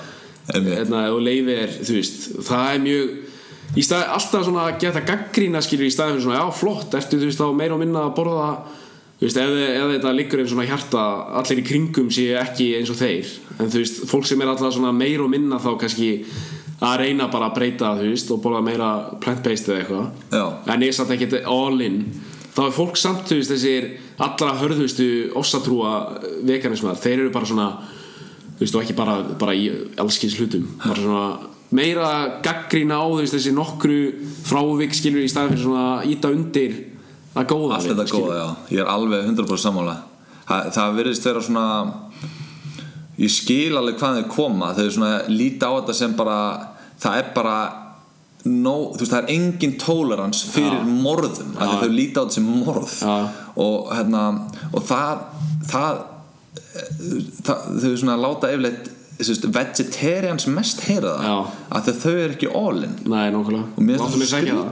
Þannig að ég er þar veist, og ég er samt ekkert einu sinna eitthvað skilgreina mig sem eitthvað eða auglýsa Mm. og ef það er fiskur í hátdeinu hjá liðinu þá fæ ég mér alveg fisk en, en ég þú veist kýsa ekki að borða sjálfur eða elda sjálfur en ég er ekkert eitthvað svona þú veist, og ég er, mitt, þá, er eitt þannig gæi í liðinu sem er svona bara nú, eitthvað, hvað okkur svona sem er þá vegan eða? Já, já, það eru alveg nokkrir Aha. Það er náttúrulega í Svíþjóð er langt á undan okkur í þessu. Já, í alveg, vá, það er áhverð Já, þú veist og þá eitthvað svona að koma upp Já, eitthvað svona gjössalega tilgangslösar rökriðar og eitthvað Já, vera með the high ground í einhverjum eh, móralskum siðferðiskendum hlutum. Einmitt. Þú veist, hvað lífstíl var þar og ég er betri manneskja en þú.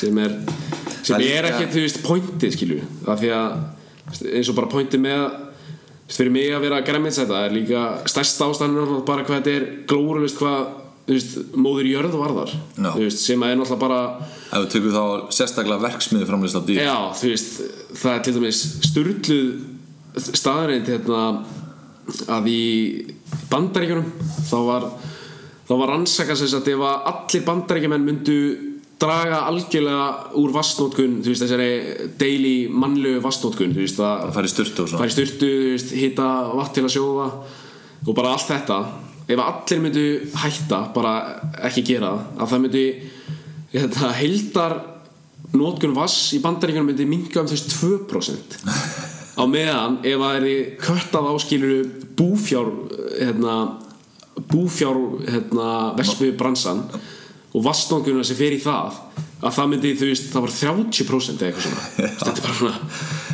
Veist, það er náttúrulega bara stærsta skilu toppikið. Síðan kemur þú veist, eiginlega næsta þreifir síðan siðferðslegi hluturinn þú veist, að meðferðin á dýrunum og það. Já, þú veist, og nánast á undan því er líka bara svona þegar við erum svolítið sjálfhverf þú veist, og hugsa, eigin hagsmunni segir að nánast á undan því er líka bara hvað þetta er þú veist ekkert sérstaklega gott fyrir þig Nei. fyrir þína helsu eða svona, eru rannsóknir alltaf meira meira sína Já, það er hérna þetta með vassnótkunna var líka pínu svona opnaði svolítið augun fyrir mér bara auðvita, þú ert með dýr sem að lifir ákveði lengi Já. og það þarf að drekka og þetta er einhver risa skeppna Já, og það drekkur og drekkur og drekkur vatn. Veist, og ón á það við er hérna, helvitis gasi sem kemur úr afturhendanum á, sem bara á, á, á dýrunum. Að það er sko fjóri sinum hérna, skadalega fyrir hvað gróðrúsar áhrif varðar heldur en sko koltvísýringur eða CO2 sem kemur úr bílum skilur við. Og hérna, þetta system náttúrulega er búið til að því að við borðum svo mikið kjöt. Já, og ég veit ekki, þú veist, ég hef ekki beint lustnina, sko, ég veit ekki það þú veist, maður sér alltaf mismöðandi lausnin er alltaf ekki að fara þú veist, ef þú ætla bara að fara svona að setja, þú veist dómshamarinn á fólk Nei. og svona, og flokka fólk já. þá ertu náttúrulega bara að íta undir þú veist íta undir í allt sem er að að þá, þú veist, ég grilla mér eða skilur, Já. þú veist, það er svo pointless skilur en líka, sko, þá er þetta einmitt að íta undir það að fólk svona þú veist, setur báða fætuna niður og segir bara, herðu, ég ætla ekki að hlusta Nei, þig nákvæmlega. af því að þú ert að dæma Já. og líka, hérna, þá ertu svolítið að loka á upplýsingar Já. af því að það er ótrúlega hættulegt að segja að einhver afstæða sér rétt þú getur Já. sagt að allar upplýsingar sem við höfum núna bendir á að þetta sé rétt Já. en það er bara svo oft og það koma nýja upplýsingar fram við vitum ekki allt og allt þetta að við verðum að vera opinn fyrir nýjum upplýsingum alltaf Nákvæmlega mér finnst það svo hættulegt að þetta verður svona eins og trúa bara trúa bara fílingurinn. Það sem að þetta er rétt veist, kristin, kristin trú er rétt en ekki múslimsk trú eða eitthvað annað. Og þá þá ertu búin að loka á allt hitt. Já, og mér finnst það líka sko maður verður alltaf að mínum að þetta vera með opin hug gagvart bara öllum upplýsingum sem Já. koma inn og dæma alveg, já, og samt tíma alveg, þú veist, svona tæklað með, þú veist svona, ekki bara bara gleypa allt, eða skilur. Já, þá náttúrulega ertu bara þá ertu komin í mondan spíral, sko. Já. en bara svona að vera svolítið með svona, já, smá raukugsun á bakvið það sem ert að taka inn, skilur opin rökhugsandi já, nákvæmlega. Ég held að það sé svona rétta leiðin. Já, að því ég, hérna, ég einhvern veginn fór aldrei út í þetta af einhverju dýra velferða sjónamiði sem að, og ég er ekki að gera úr því, alls Nei, ekki sko. Þannig að ég fór meira út í þetta af eigin hagsmuna ástæðum og núna er, er ég búin að vera að kynna mér alls konar hluti sem að að því ég held að eina leiðin væri veganismi sko, og, Já. Og svo heilbriðislega sér og núna er ég búin að lesa alls konar kjöt getur gefið þér alls konar Já, hluti og, og er kannski ekki eins slemt fyrir það og, og ég held upphafi sko. meira einmitt bara, þú veist, að það sé reynt fæði, skilur frekar. Já, veist- meira á það sko. já, þannig að já, ég allavega þá er ég svona eh, þetta tímabil kendi mér ótrúlega mikið og ég meina ég er ekkert búin að yfirgefa neitt veist, ég er bara eh, ég er svona kannski opnari, pröfa Já. mig áfram og, og hérna borða ennþá mjög oft vegan mat og, og ég meina þegar ég er heima á mér þú veist að ég kaupi mér yfirleitt ekki mikið kjöt. Næ, en oft borða ég, þú veist, mér finnst núna nýtt ég stundum að fara, fara á veitingastað og fá mér steik. Já. Og það minkar aðeins pressuna á mig svona svona, ó, ég má aldrei fá þetta eh, að sem er svolítið íslenska leiðin Já. eða skilur, það er mjög mikið þú veist, það er mjög mikið þetta bara, já, ég meina ef við tökum sér dæmi, ég ætla ekki að- að fara að setja ómiklar skoðanir eða, eða fara inn á það ómikið en bara eins og með, þú veist drikkjumenninguna, svolítið Já. skilur, meðan að þjóðverðin er skilur, fæ sér tvo bjóra eftir æfingu nánast og getur satt bara skilið við það, þá erum við svolítið einmitt bara, þú veist, all in eða ekki. Já, já. veist, þetta svartkvíta það er bara annarkvort rinjum við í það og verðum Icelandic drunk eins og við talum það úti. Þú veist, ég með bara svona þetta þarf ekki alltaf að vera svona svart og hvít. Nei, og þetta er svona uh, það kemur eh, kannski af bjórbanninu eða eitthvað. Þetta, einmitt, það er bara bannað. Já, og þú bara mátt þetta ekki. Ég veit ekki, ég held að það sé yfirleitt betri nálgun að ná að eh, já, að ná að manager þetta frekar Já. heldur en að bara herðu þetta er ba bannað. já og bara svona upplýsa hvað er kannski æskilegt. Já. hvað er æskileg hegðun í þessu? Já, klálega, en hérna þú myndist aðeins á hugleislun aðan já, mér langar aðeins að tala við um það. Ég hérna, það er annar svona annar vettvangur sem svona, ég hef gríðalega trú á. Og, en hef kannski ekki alveg komið inn í rútinu á mér. Ég, ég hugleiði oft en ég hugleiði ekki á sama tíma alltaf og svona. Og þú gerir þetta alltaf mótnana hvað finnst þér svona hva, hvernig lítur á hugleislu hvað finnst þér hún gefa þér og hvað er þetta? Fyrir mér, þú veist fyrst held ég þetta væri svolítið bara eitthvað svona þú veist, heila án þetta var mainstream, ég veist, og foreldrar mínir til þess að hafa verið í jóka bara uh, frá því, þú veist frá því fóru til Indlands fyrir 40 árum eða eitthvað, þau eru sérst hungumur og þú veist, þá var þetta alltaf voða mikið bara svona fyrir mér einhvern veginn bæði erfitt svolítið sem, þú veist, það var bara alltaf maður var bara skrittast í skólanum, þú veist. Komandi með veist, hundgamla fóreldra og græmetsæta og þau eru ykkur í jóka og þá var ég náðast bara svona geðveitt fordóma fullur á þetta og bara ég ætla þú veist, ekki að fara inn á þetta inn, á, inn, á, inn í þessi trúabröð náðast fyrir mér mm. og þú veist og, og sumir eru að þessu eitthvað svona þú veist tengjast þú veist, æðra sjálfi eða einhverju, þú veist, jafnvel bara einhverju æðri mátti að þannig þetta verður svolítið einhvern veginn svona uh, supernatural hlutur Mm. en þú veist, fyrir mér er þetta bara hérna ég finn bara svona hluti eins og ég auðvöldar með að einbeta mér stressleguleg mitt er kýlist niður uh, orkan mín einhvern veginn svona nýtist betur eða svona ég orku spartnaðurinn og þannig. Þú veist, og ég er mjög hrifin að þessari í þessu headspace sem er þessi svona svolítið búta hugleysla það er svolítið þú veist, ég tala ekki beint um núvitund eða skilju, þegar við getum ekki verið bara einhverjir gullfiskar og bara þú veist, eða skilju, það er, við erum alveg við höfum alltaf verið gerðaleg til að draumóra og horfa í framtíðin og þannig og það er gott að blessa. Við erum bundin við já, en þú veist en þetta geta meira svona ég vil tala um meðvitund frekar. Mm. þú veist, maður er svona meðvitaður um þú veist, við finnum það líka eftir jóka bara svona meðvitaður um líkamann sinn eða þú veist, um andadráttin og bara svona, wow, akkur er ég anda svona grund þá bara svona, já, ég er eitthvað það er eitthvað stress eða það er eitthvað svona, þú veist maður er einhvern veginn svona, kemst dýbra í, í sjálfan sig -hmm. en svona fyrst og fremst er þetta bara ég á auðveldar með að einbeta mér og tækla hluti á yfirvegan og svona betri hátt ef svo maður segja Já. þannig að það er ekki flokknar en það fyrir mér Þannig að þetta er bara svona þó eins og þú sagðir á hann þetta, þú getur farið út í allar andlegu pælingar þar Já.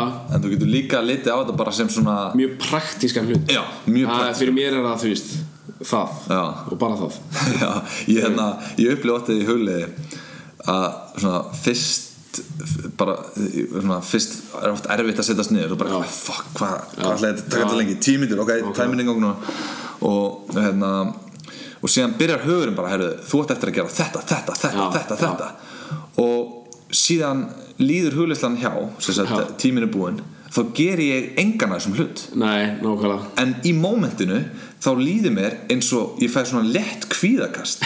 Svona, herðu, Já, eins og ég verði að gera þessa hluti Mm. en það eiginlega bregst ekki. Ég geri aldrei neitt Nei. af þessum hlutum. Þetta er bara eitthvað svona eitthvað sem uh, þetta, þetta er ekki merkilegt. Nei, nákvæmlega. Og það er svona einhvern veginn uh, pínu svona uh, realization hvað hugurinn er Já. stanslist að bara að negla á þig. Já, hann er alltaf bara að reyna að krönsa ykkur verkefni sem er gott skilju. Bara ég man því, þú veist, fyrsta vika mín þegar ég fór að sofa þá var, ég, var alltaf eitthvað svona var alltaf eitthvað endurspil á sænskum samtölum í gangi. Já. þú veist, í haustum bara undir með þetta að reyna að krakka þennan þennan encrypted kóða bara hvað er að gerast, veist, hvað er þetta? Þú veist, og heilin er bara víraður og forritað til að leysa verkefni. Og það er svona að tala um að þú veist, það sem ekki velja en að tæklast tækla verkefni. Veist, þá byggist upp svona momentum. Og hérna en líka með þetta svona uh, sem er eiginlega pínu hugleyslu pæling eða svona, þú veist, og hugleysla er ekkit annað en bara einbeitingar æfing Já. skilur það einbeita er að mismunandi hlutum mismunandi líkarspörtum eða andadrætti eða þú veist, einbeita er að reyna að vera var við tilfinninguna eða tilfinninga, þú veist, levelið kannski þennan dag, eða bara hvernig það líður. Að hérna að góð pæling sem ég var enn og oftur hann heitir Thomas Frank á YouTube. Ok, hann er sem sagt fyrst og fremst að gera svona praktískar eh, lausnir fyrir skóla. Þú veist bara hvernig að hvernig að læra fyrir próf og þannig. Já, En hann er betri árangri í skóla já. já, en hann er líka fyrir á bara svona inn á svolítið venjufræð og þannig og hann tala um sko þú veist að í byrjun mótnana þá er mjög gott að að byrja daginn á að tækla bara eitthvað eins og lítil verkefni þú veist, búum að þú ert svolítið að byggja upp bara svona momentum þú veist, svolítið bara svona, já þú veist, fer tannhjólun snúast, bara já þú veist, byggjum rúmið, ok, já, kannski þú veist, svara ég þessu e-maili sem ég er búin að forðast á þess að viðkenna þú veist, og þá svona, já, ok, ég kíkja á þetta starfræðdæmi, byggja svona svolítið momentum. Og ón á það er líka sem ég tók aftur frá honum hvað lærdóm var þar? Og þú veist, það þarf ekki að vera lærdóm en það getur verið hvað sem er, þú veist, að læra á þú veist, lesa bóki eða læra á piano eða þú veist, sinna einhverjum e-mailum að taka hérna, 45 mínútur þú stilla bara timer og þú veist, og þú ert bara einbyttaðir að þeim hlut þú veist, og bara eins og svara postum eða eitthvað í þennan tíma þú veist, og þá einhvern veginn og af því að við erum svo geðveitt að hérna, multitaska já. og enda með að við þú veist, reynum að gera allt en gerum ekki neitt. Og höldum þessu með eigða tímar með að bara vera fókus á eitthvað eitt. En þú veist, þú verður svo ógeðslega productive í þessum eina hlut sem þú ert virkilega Já. einbyttaðara og, veist, og, bara, og þá í einu ferði þú veist að spara þér tíma, þú veist, þú ferði að sjá það mjög fljótt að svona, það er mjög góð nálgun að tækla verkefni. Já, ég bara upplega einmitt, einmitt hugleyslu sem æfingu til þess að geta Já. sér að einum hlut og hérna og hugleysla sko fyrir mér er einmitt bara æfing í að eh, þú veist, takla allt sem þú ert að takla í lífinu að lifa lífinu Já. í rauninni. Það sem að eh, þú veist, hugleysla er ekki lífið Nei, en hugleysla er og þetta er ekki skyndilaust. Nei, og þetta er alls ekki og skinn þetta er ekki að fara að bjarga öllum vandamálunum.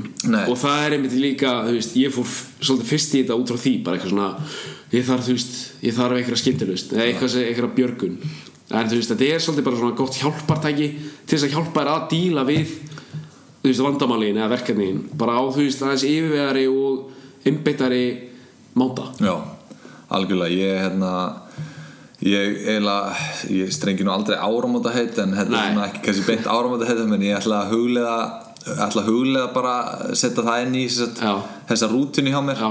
sem að ég komi með svona þessi kalda sturta og hérna Já. Og, og hérna ég er að fasta eins sem ég langar að Já. tala um við aðeins Já. eftir og það er svona það eru svona vennjur sem að það eru þessar svona góðu vennjur sem ég er að tilhenga mér og ég ætla að reyna að negla huglisinu það reyna því Já, að, reyna að gera hana svolítið sjálfsögum hlut bara Já. eða svona, já, í rauninni að sem að ég, ég er ekki að finna mér afsakanir fyrir að henni, sko.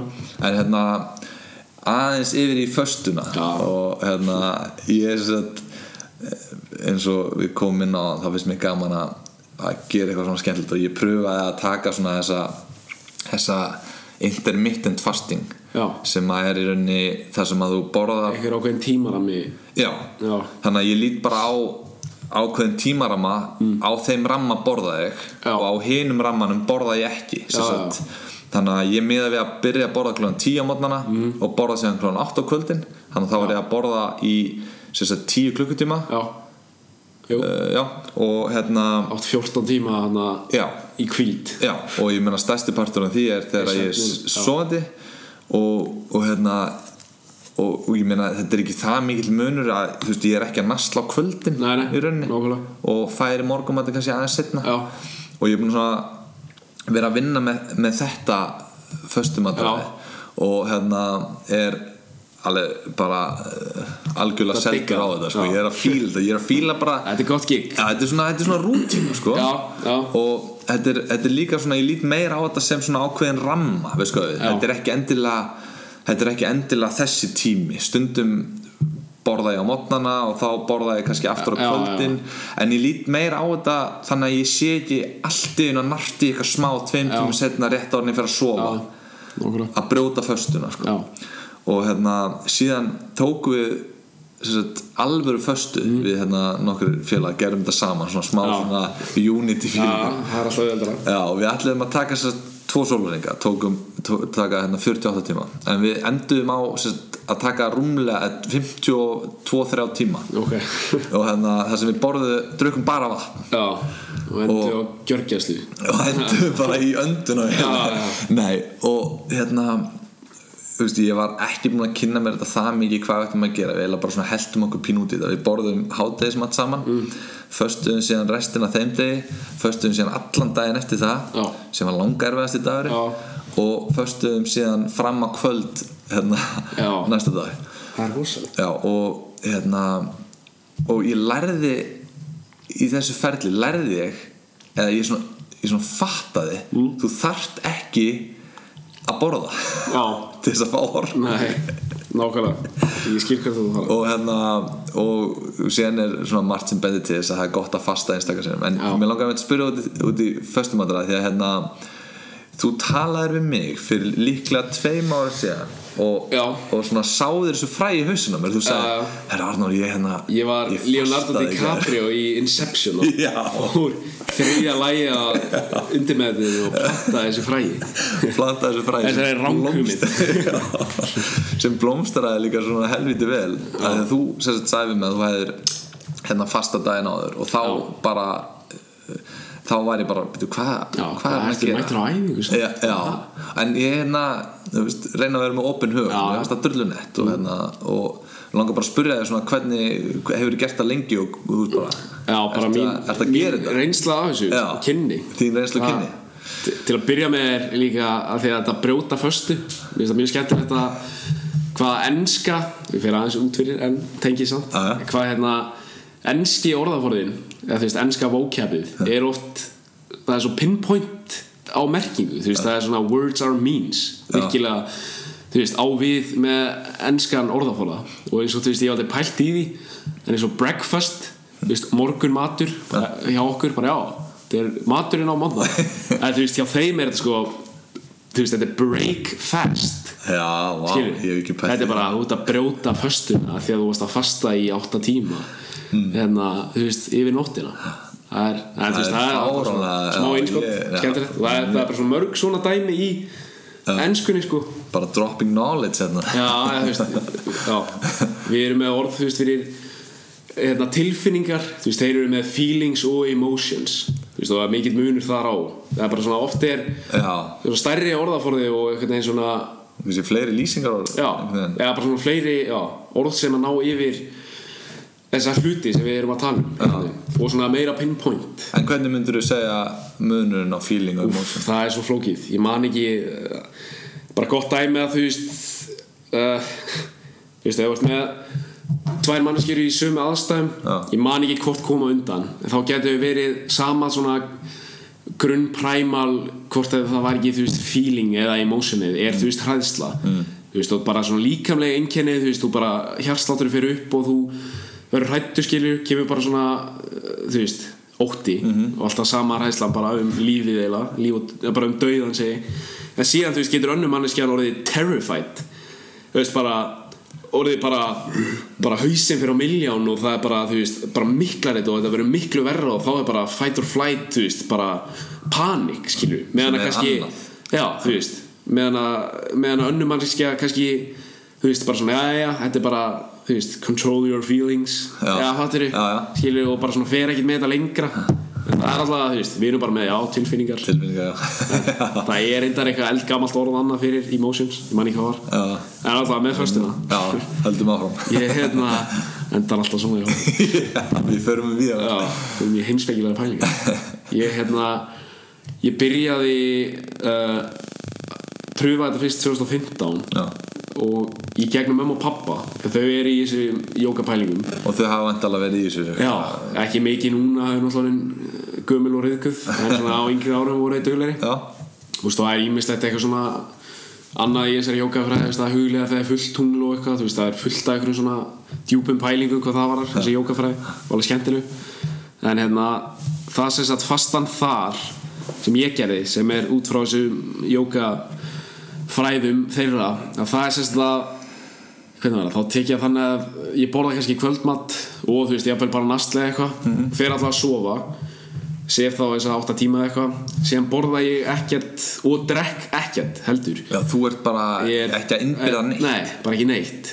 Veist, allan þann dag fyrir aftur að sofa og síðan brýti ég föstuna næsta morgun sagt, í rauninni þá hvað, eitthvað 30 og þú veist, 6 tímum setna Já. 34 tímum eða eitthvað, 36 Svona tímum setna og hálfur Já, ég, ja, rúmlega. Nei, ekki, jú.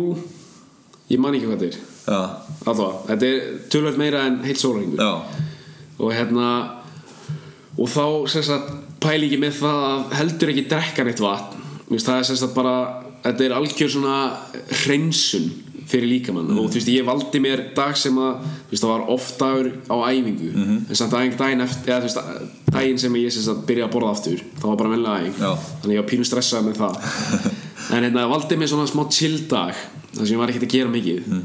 Og bara svona langa, ég var eitthvað búin að lesa með aðeins til um þetta eitthvað svona ávinninga. Og þú veist það var bara svona í grunninn og þetta var allt fótboltatengt þá bara svona að þú veist þetta á að hjálpa recovery af því að þetta líka minn fær loksins tíma til að sinna þú veist einslum og bara bólgum. Þetta er alveg það, draga úr bólgum. Og í segja bara stæðan fyrir að vera að melta þá. Já, bara fyrir svo djöfulli mikil orka í meldingu, bara fáralega mikil. Og hérna og þú veist, mín bara fyrsta reynsla við þetta og eitthvað pínu placebo af því ég var gett peppar í þetta. En það var bara, þú veist, fullt af töff hluti sem gerðist bara bólur úr andlitinu með hurfu. Það er fáralegt, það er bara það er hurfu allar á einum degi bara. Já, eða bara á þessum tímarama Já.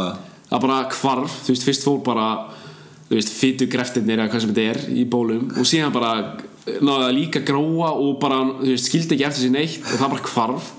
Hérna, recovery mitt vissulega bara skyrocketed eða þú veist, ég bara endur nærðist og þú veist, síðan um kvöldi sem ég var að fara sér að sofa. Það var mjög erfitt fyrst að ná að sopna þá er hann komin smá svona mægin allir búin að minka og nánast byrjar að krampast.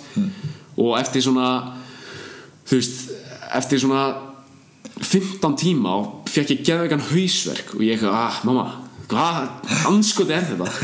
Og hún sagði að það, að það tímabili er sem sagt mesta hreinsunar tímabilið. Já, ok.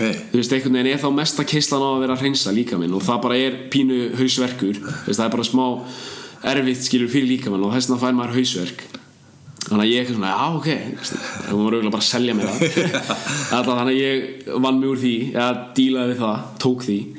Síðan hérna steiktast við þetta er að sko púlsi minn kvöldi sem ég var að fara að sofa hann var komin bara í 40 slögum mínútu bara alveg slag Já, bara fáralegt, þú veist, og ég var samt bara í tölvunni eða eitthvað, ég var ekkert farin að sofa þetta var bara um kvöldið, ég var alltaf bara svona með heyrðnatól á mér og byrjaði að heyra í hérstættinum og ég var ekki bara svona að byrja, ha, er að detta út bara annarkvært slag hérna hjá mér? Þá var þetta bara svona bum, bum, bum, þetta tempo. Og ég bara svona, what? þá er þú veist bara svona ógeðslega lítil keistla á líkamannum að hann var bara illa chillaður skilur og bara sáttur.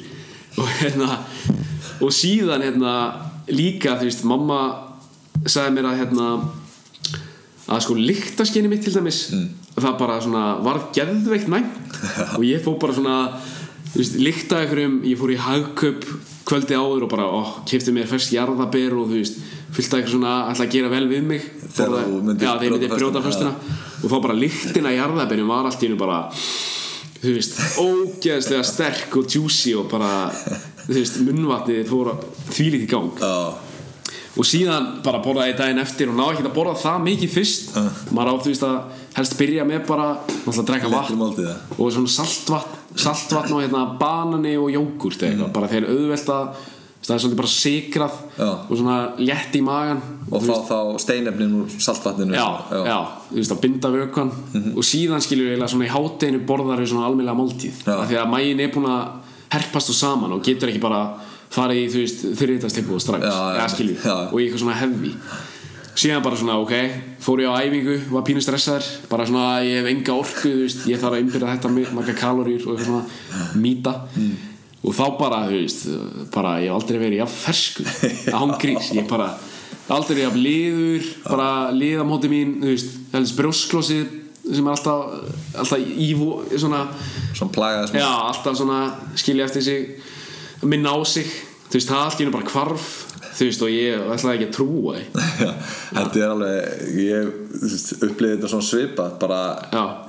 maður heldur að maður geta ekkert gert. Nei. og ég ég meina vissulega varst þú hérna á einhverjum childi Já. ég hef ekki gert það ennþá kringum æfingar sko. Að Nei. en hérna veist, ég myndi ekki gera þetta vera á föstu deginum og taka æfingu veist, ég, að þá er ég alveg, veist, maður er með hausverk og alveg pínu orkulítill þá, það er svo mikið hreinsuna prógram í gangi. Einmitt, ég myndi alls ekki gera það þá heldur. Nei. ég gerði þetta eins og það þegar ég var veist, í vinnunni og var bara svona venjulegum degi þannig. Veist, ég æfði ekki neitt Já. en ég mætti vinnu og hérna, og var að vinna báða dagana. Já, þannig að veist og ég uppliði ekki sko ég fann svona kapla hennan, hennan dag sem að var sem sagt, fasta frá mótni til kvölds. Já. þá fann ég svona á einum kapla svona eftir hádeismat svona kannski kringum eitt leitið tvö þá fann ég svona seyðing í haustum og svona Já. Jæja, nú er, hvað ert að gera hennar Já, inni, já.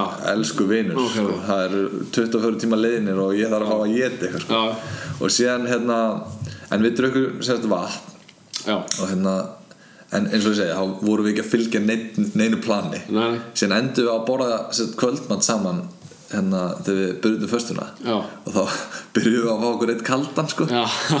Og það, það var það var rosalega bræðmikill. Einmitt eins og þú sagðir þegar þú varst að lykta jarðabörum þetta var Já. bara svona við gerum okkur svona indverska græmmetisúpu og, og hérna svona súrdegsbrauð og, og hummus og Já. hérna og bjór. Og það var allt bara með ógeðslega svona það var svo gott bræð á nákvæmlega. Ég upplýði það. Eiginlega bara vatnið líka aða vatni. Vatnið var Ég það allt í nýtt Já, og síðan daginn eftir þá fór ég í hérna var, þá var ég að fara út sagt, ég var að fara í flug og í frí og þá vaknaði ég klukkan bara fjögur um nótt eða þrjú eða eitthvað, fór í flug klukkan sex. Og mér fannst bara eins og ég væri endur fættur á þann dag. Já, það var ótrúlega það þetta er alveg galið sko þetta er, þetta er alveg störla dæmi Já, þetta er, þú veist Þetta er bara eins og að rístarta tölvunni eða eitthvað. Já. Bara, þetta er svo rísat að tala Já. og síðan er ég farin að vinna með svona aðeins að, að þegar ég nenni að fasta aðeins lengur og Já. um daginn þá fórum við út og þá sagt vorum við að taka tvö flug og ég bara ákvað svona í staðin fyrir að borða fyrir flugið og setja allt í gang og þurfa að í flugvelinni og eitthvað svona að bara að fasta og fastaði bara fram með flugið. Já. og síðan fórum við í gegnum allt þetta hérna, þetta var sett, við fórum til bandarækjana og fórum við í gegnum immigration það dróst aðeins á langin hann að ég endaði bara á að fasta í 22 tíma eða eitthvað. En þú veist, það einhvern veginn beit ekkert á mig þannig. Nei. Síðan bara borðaði fyrstu máltíð og bara Og er bara svona frelsandi að þú veist, vera ekki að alltaf með þess að þráhyggja að þurfa eitthvað, já. Þrý í tímar á milli próteinskassins míns og bara svona, þú veist, bara svona næs. Einmitt. Það er ekki einu svona borða þetta er þannig frelsi líka. Já, þetta er það. Ég þessu sem sagt, þetta intermittent fasting sem er bæða vegi, þetta er ekki einhver, einhver mataræðiskúr, ég heyrði sko það er ein, ein hún heitir Dr. Rhonda Patrick, ég veit ekki hvað hún heitir ég tala reglulega um hana því að hún er bara, hún er geggjuð, hún er sko hún er með heimasíðu og hún kemur á podcast hjá Joe Rogan sem er Já, hlustum á. já. og hún er bara svona bara vísinda based, skoða rannsóknir umfram Já. allt annað. Og hún var að sína fram á jákvæða niðurstöðu á svona intermittent fasting Já. sem er í raun ekkert annað en það að borða á daginn, sofa nóttu. Já, nákvæmlega. Mjög eðlislegt einhvern veginn. Já. Eða, veist, bara fyrir okkur mannfólkið. Sem að, forfeðnir okkar gerðu skilur, þeir voru ekkert eitthvað djöfull maður, ég misti það Nei, þeir borðuðu það, já, þeir gerðu bara þú veist, þú voru alls ekki eitthvað alltaf mönsa og þannig, Nei. skilur einmitt. Og það það sem hún sagði, við erum bara svona ég held að heiti eitthvað circadian rhythm. Þú veist, þú ert bara vakandi á daginn þá borðaru og sem sefur á nóttunni af því að þannig er bara ringrásin þú veist, Já. það er bara sólinn kemur upp og, Já. og hérna og, og, og, hérna og jákvæða niðurstaðan emmitt að vera að borða á þessum ramma og þess á milli ert ekki að borða. Og ég borða klukkan tíu mótana hún sagði að væri, ja, það væri hugsanlega betra að byrja að borða fyrir og hætta að borða fyrir þá. En mér finnst bara svona ágætis rútína í að bara hafa hennar tíma ramma. Já, hafa hann að ramma og drekka vatn þegar ég vakna og bara komir inn í daginn og þurfi ekki einhvern veginn að stressa með áninu mat. Nei, okkur og síðan er ég bara komin í daginn og hafa bara svona, að, herðu, klukkan um tíu ég, ég klári í mat og það tekur svona það er pínu svona frelsistilfinning að þurfi er ekki alltaf að hugsa um morgum Já, ert að grínast. Tjúið er ég þar. Já. Það er rosalega Þú veist, ég er bara góð með kaffið mitt sko. bara Þú veist, ég þarf ekki að borða fyrir en bara þrem tímum eftir ég vakna. Já. ég hafa mjög með mikla þrá ekki fyrir morgumatur er mikilvægsta máltíð og hún er alveg mjög mikilvæg. En þú þarf ekki að vera bara þú vaknar að búa til hafragraut og dæli í einhverjum x mikið kalorum það er ógeðslega mikil fucking kvöð. Já, það er einmitt ég hef upplifað það það sækir bara- franskunum mína. Mátt segja allt sem Já. hérna uh, við erum búin að fara ég, sko, ég sé, ég er með eitthvað nýtt prógram hérna og ég sé ekki hvað við erum búin að vera lengi sko. Ég held að við séum búin að vera alveg einn hálfa tíma. En hérna var við búist já, við búið maður. En kannski bara svona eitthvað að lokum sem ég langar að miðla þú veist eins og að því að þú ert nú búin að fara í gegnum alls konar í gegnum hennan skóla lífsins Já. og eitthvað sem þú vilt kannski miðla til ungra þau reyndur þráttur ungan aldur. Eða kannski eitthvað til ungs fólk sem er í íþróttum og, og, og hérna, gengur í gegnum eitthvað jafnvel eða eitthvað, eitthvað svona sem er langar Já, eitthvað ströggl gefa, þeim, já, gefa þeim svona bakbókan Já, ég held að sé Þú veist, fyrir, ég tala bara fyrir mig. Það er bara svona Þú veist, að minna sig svolítið á þessar góðu hluti þú veist, og góðu kvartingar af hverju þú ert af hverju ert í íþróttum til dæmis? Veist, það þarf ekki alltaf að vera svona niðurstöðu beist eða veist, að vera í aliði eða komast í meistara eða vinna eitthvað vinna eitthvað titil þótt að það sé mjög gott veist, og það er klálega drifkraftur í því. En það getur ekki verið er ekki verið flóknir en bara þetta heldur mér í formi þetta lætur mig vera skuldbundin einhverju sem er bara holdt og þá þarf ég þá eflist bara ábyrði mín og bara já, og bara svona bara svona góðir hlutir eins og sterkur karakter sem hægt er að móta úr þessum þessum dýragarði sem fókvöldin er. Eða bara sem veist, þetta er mjög mikill bara góður skóli hvað var það svona einmitt challenge eins og við tölum um. Já, ég hérna tek bara heilsugur undir þetta og, og hérna held að þetta sé bara ótrúlega góð loka orð fínustu lokor sínustu loka Herri, takk fyrir að mæta á ekki og hérna Já, takk fyrir mig. góða ferð út. Takk fyrir það